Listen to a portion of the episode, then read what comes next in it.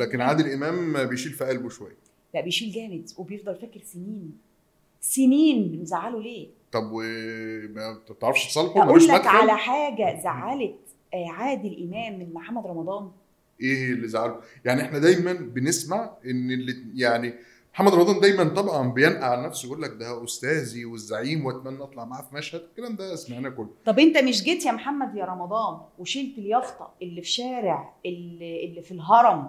اللي مكتوب عليها مسرح الزعيم وكتبت عليها آه، آه، آه، الزعيم سابقا. محمد رمضان عمل كده؟ شال اليافطة غير اسم المسرح. وكتب الزعيم سابقا؟ آه مسرح الزعيم سابقا.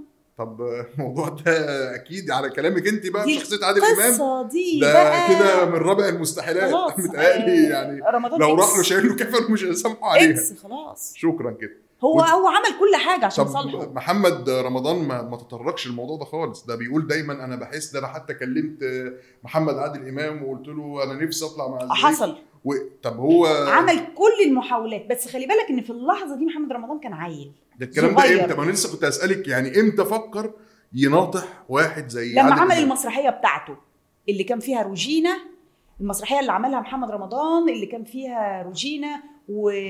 واللي اتجوزت فيها شيماء سيف كاركتر. أهلا رمضان؟ أهلا رمضان. إيه اللي حصل بقى في المسرحيه احكي لنا كواليس الكواليس؟ اللي حصل إن المسرحية دي كانت تتعمل في الهرم. خلاص؟ وكانت المفروض إنها تتعمل على مسرح اسمه مسرح الزعيم. طبعا يعني في غنى عن التعريف. اللي حصل ان محمد رمضان قرر إن هو عايز يغير اسم المسرح. فكتب الاسم الجديد اللي اختاره المسرح وإيه؟ بقى معروف إن ده مسرح الزعيم سابقا. ماشي؟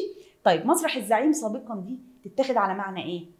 إنه الزعيم سابقا, سابقا خلاص. مش إن عليه. ده اسم المسرح آه القديم مفهوم. خلاص؟ ضرب من تحت الحزام ده. آه. مم. فاللي حصل إن خلاص إكس محمد رمضان إكس لحد النهارده محمد رمضان إكس محاولات كثيرة جدا لإن هو يحل ويعمل ويخلص خلاص.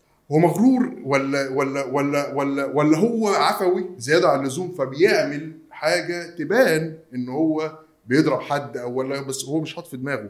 لا أقول لك محمد رمضان آه، مشكلته إن هو آه، اتشهر فجأة في سن صغير. فده عمل له شوية ربكه كده اللي هو مش عارف يتصرف بتوازن. يعني ما بقاش تصرفاته ما بقتش موزونة. فبقى بياخد بيدخل في معارك مش بتاعته خالص. المعارك دي كونت عداءات ضده مش عارفة تروح مع الزمن. رغم إن محمد رمضان أكتر واحد عارف يطور من نفسه ويشتغل على نفسه ويشتغل على شخصيته ما بقاش هو الشخصية بتاعت زمان. الشخصية بتاعت إن هو يدخل في معركة مع عادل إمام ويشيل اسمه من على المسرح ويدخل معركة مع ما أعرفش مين ويشيل اسمه ما أعرفش ما بقاش موجوده دلوقتي محمد رمضان. محمد رمضان بقى شخص مختلف تماما عن زمان. عشان كده بقول لك اللي حصل ده حصل وهو صغير. إيه، فترة قصيرة قدر يطور فيها شخصيته. النهاردة محمد رمضان جدع جدا ما بيدخلش معارك مش بتاعته ولا حتى بتاعته ما بيدخلش معارك. بيقف جنب الناس بشكل محدش يتخيله ليه مواقف كتير إنسانية وده فعلا جداً. اتحكى لي عنه بالمناسبة من أصدقاء مكر... يعني اتحكى لي إن هو يعني قرشه سابقه يعني ويمشي جدا و... جدا جدا. وفوق كل ده كمان هو بقى أذكى. وبقى عارف يستغل ذكائه صح. وبقى مركز شوف بقى اللي حصل لمحمد رمضان بعد ما بقى مركز في شغله. شكل نوعية أعماله بقت عاملة إزاي؟ بقت يعني بقت حاجة تانية خالص طبعا. بقى يعني بقى فعلا قادر إن هو ياخد كل خطوة أهم من الخطوة اللي قبلها. بجد. طب أنا هقول لك بصراحة كده ليه تحليل كده لمحمد رمضان ال- ال- الفلوس اللي بيحطها على ال social media وال- والعربيات وال- والمجوهرات؟ أنا بحس إن هي مش زي في ناس بيقولوا ده محدث نعمة يا عم ده مصدق لا. أنا بحس إن هو بيوصل رسالة لناس معينة لأن محمد رمضان اللي برضو سمعته عنه انه اتحارب كتير بسبب موهبته اللي كانت واضحة وهو في البداية. فتحس كده ان هو عايز يقول للناس معينة آه، اللي كنتوا بتحاربوني ها شفتوا أنا بقيت فين دلوقتي وانتوا فين؟ بح- بحس ان هو مش بيعمل كده بس زي ما الناس بتقول كده ان هو فرحان بفلوسه.